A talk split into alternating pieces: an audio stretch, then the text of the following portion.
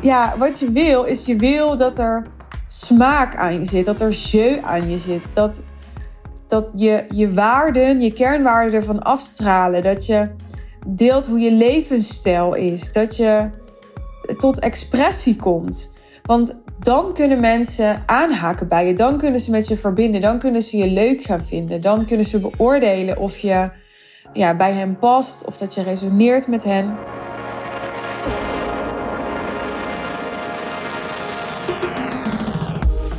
Hoe belangrijk is het nou eigenlijk om anders te zijn als ondernemer? Ik uh, was in een chatgesprek met een klant van mij en zij zei: Voor mijn gevoel is het echt anders wat ik doe en aanbied. En zijn er geen andere ondernemers die deze combinatie maken, die zij dus maakt. En toen dacht ik gelijk, goh, het is interessant om hier eens over te podcasten. Want hoe belangrijk en hoe relevant is het eigenlijk om anders te zijn of iets anders aan te bieden dan wat een andere ondernemer is of doet of aanbiedt. Misschien ken je me al een beetje. Ik ben vrij genuanceerd over dit onderwerp. Ik ben niet over elk onderwerp genuanceerd, maar ja, over dit onderwerp ben ik wel genuanceerd. Wat ik in dit geval tegen mijn klant zei, als deel van het antwoord op haar vraag, en de opmerking die ik net aan jou voorlas was weer onderdeel van haar vraag. Ik schreef aan haar: Het maakt eigenlijk niet uit in mijn ogen of er iemand is of niemand is die hetzelfde doet als jij, of dat er honderd anderen zijn. Het gaat er vooral om dat mensen dat wat jij aanbiedt van jou willen kopen. Dus wat maakt dat jij een goed verhaal hebt, waardoor mensen het van jou willen kopen, ook al zijn er misschien honderd anderen? Dus welke verhalen heb je bijvoorbeeld van mensen die je in het verleden hebt geholpen, die ja, hier al fantastische resultaten mee hebben behaald? Dus welke transformaties kun je delen in de vorm van een verhaal? Ja, wij mensen zijn wired for stories, dus wij willen verhalen horen dat beklijft en dat spreekt tot de verbeelding. Dus heb je testimonials of heb je een verhaal over je eigen achtergrond, dat rechtvaardigt dat juist jij de ondernemer bent die dit aan te bieden heeft. Als ik uh, bijvoorbeeld naar mezelf kijk, ik kreeg me nu uh, tot jou, beste luisteraar, dus dit is niet meer het antwoord wat ik aan mijn klant gaf. Als ik naar mezelf kijk, dan uh, denk ik, ja, als je het helemaal plat slaat, dan ben ik business coach, zo noem ik mezelf ook. Ik weet dat er tegenwoordig heel veel business coaches zijn die zeggen, ja, ik wil mezelf eigenlijk geen business coach noemen, want ik voel me niet helemaal zo. Of iedereen noemt zich tegenwoordig business coach. En ja, mij boeit het eigenlijk niet zo heel erg. Ik denk, dat is gewoon wat ik ben. En ja, daar is heel veel aanbod in. Maar er is ook heel veel vraag in. Dat is nou eenmaal de markt waar ik in zit, totdat ik een andere keuze maak. En er zijn dus heel veel en steeds meer andere business coaches die een online business coachingsbedrijf hebben. Dat je zou kunnen vergelijken met dat van mij. En toch ja, heb ik het gevoel dat ik, nou, best wel zo een beetje in mijn eentje mijn dingetje aan het doen ben. Omdat ik heel erg afgebakend heb voor mijn gevoel wat ik doe. En een heel duidelijke visie heb en mensen daarop aan kunnen haken. En kijk, ik ga niet het mooier maken dan het is. Het gebeurt wel degelijk dat bijvoorbeeld oud-klanten van mij naar een andere coach gaan. Of dat ja, überhaupt dat, dat ik wel eens zie dat mensen waarvan ik denk, oh, dat zou ik een super interessante klant vinden, dat die naar iemand anders gaan. En dat ik dan denk, ja, als er nu geen andere business coaches waren, dan waren deze mensen of dan was deze ondernemer wellicht wel naar mij gegaan.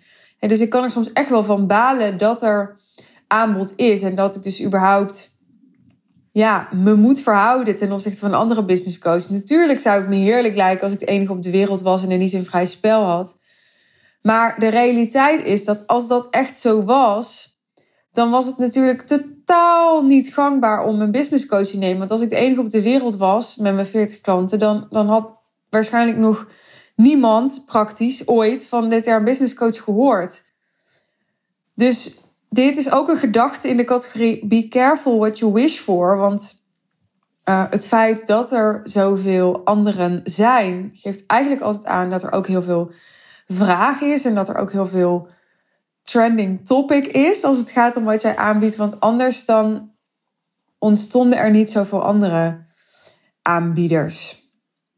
Plus, uiteindelijk kan concurrentie jou enorm helpen, omdat het je dwingt, tussen aanhalingstekens, om veel duidelijker en scherper te formuleren bij welk probleem je helpt, voor wie je er bent, welke resultaten mensen met je kunnen bereiken. En hoe scherper je dat neerzet, hoe beter het lukt om de waarde over te brengen aan klanten, hoe hoger je prijs bijvoorbeeld weer kan zijn.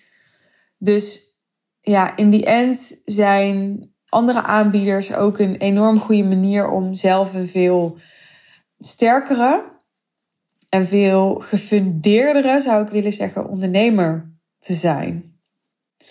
Nou goed, terug naar uh, de nuance die ik had bij de vraag: hoe belangrijk is het om anders te zijn dan andere ondernemers of dan andere aanbieders die in dezelfde niche werkzaam zijn?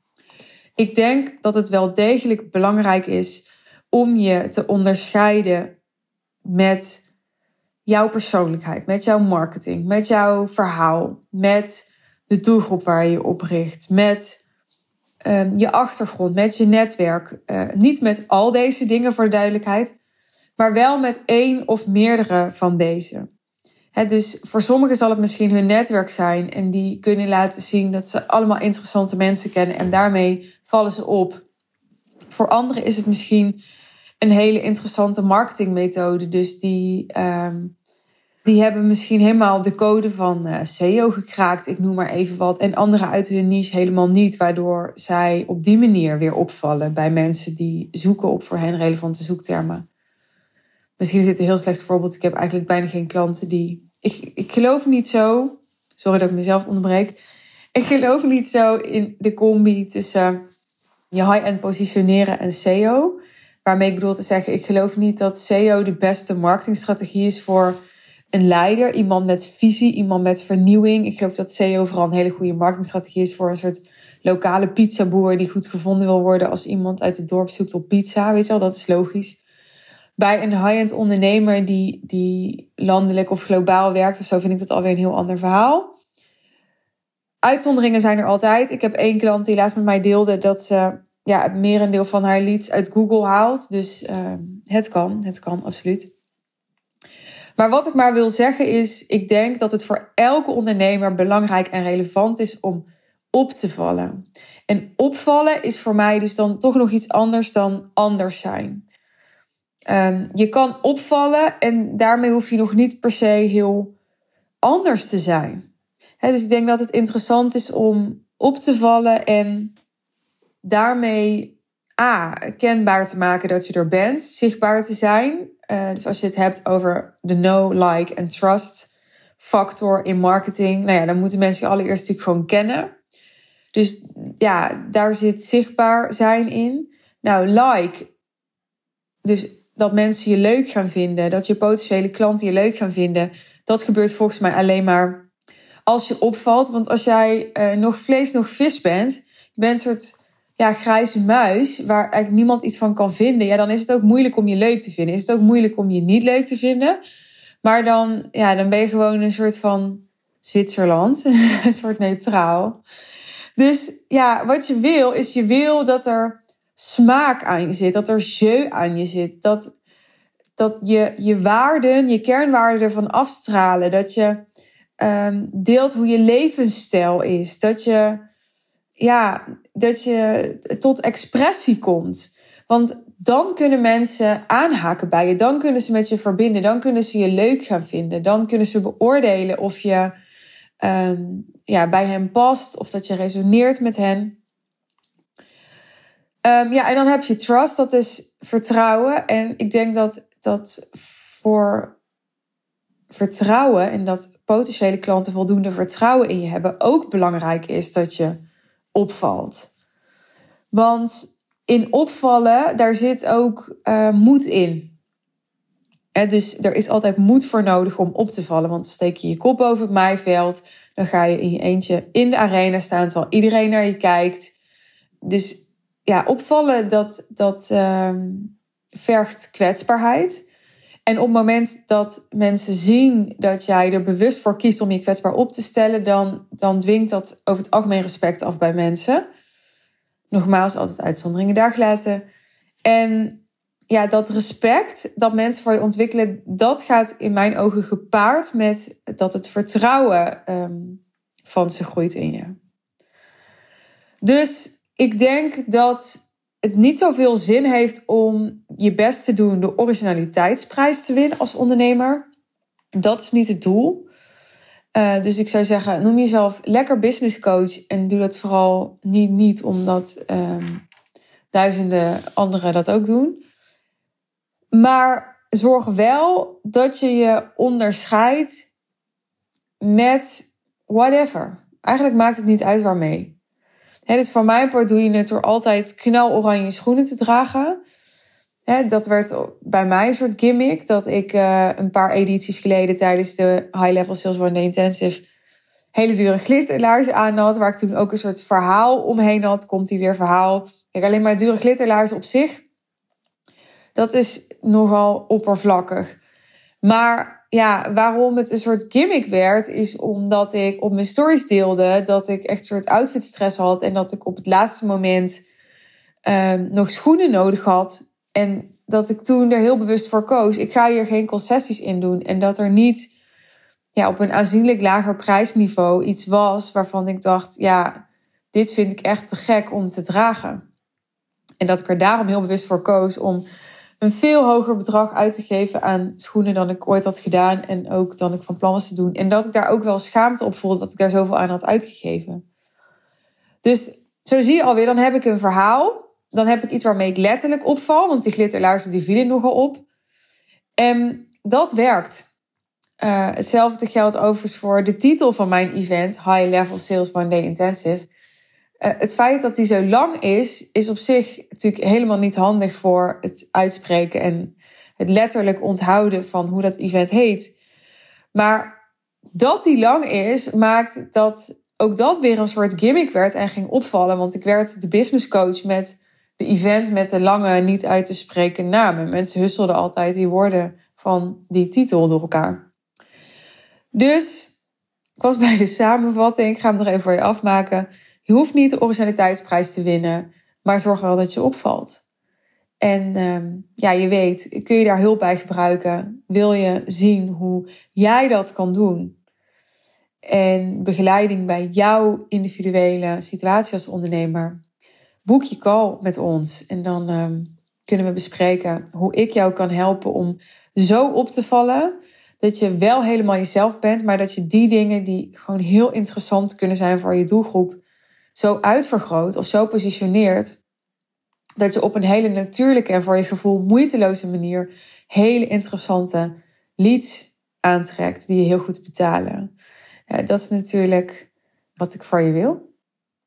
En uh, ja, vergeet niet, wil je bij dat event komen met die hele lange naam?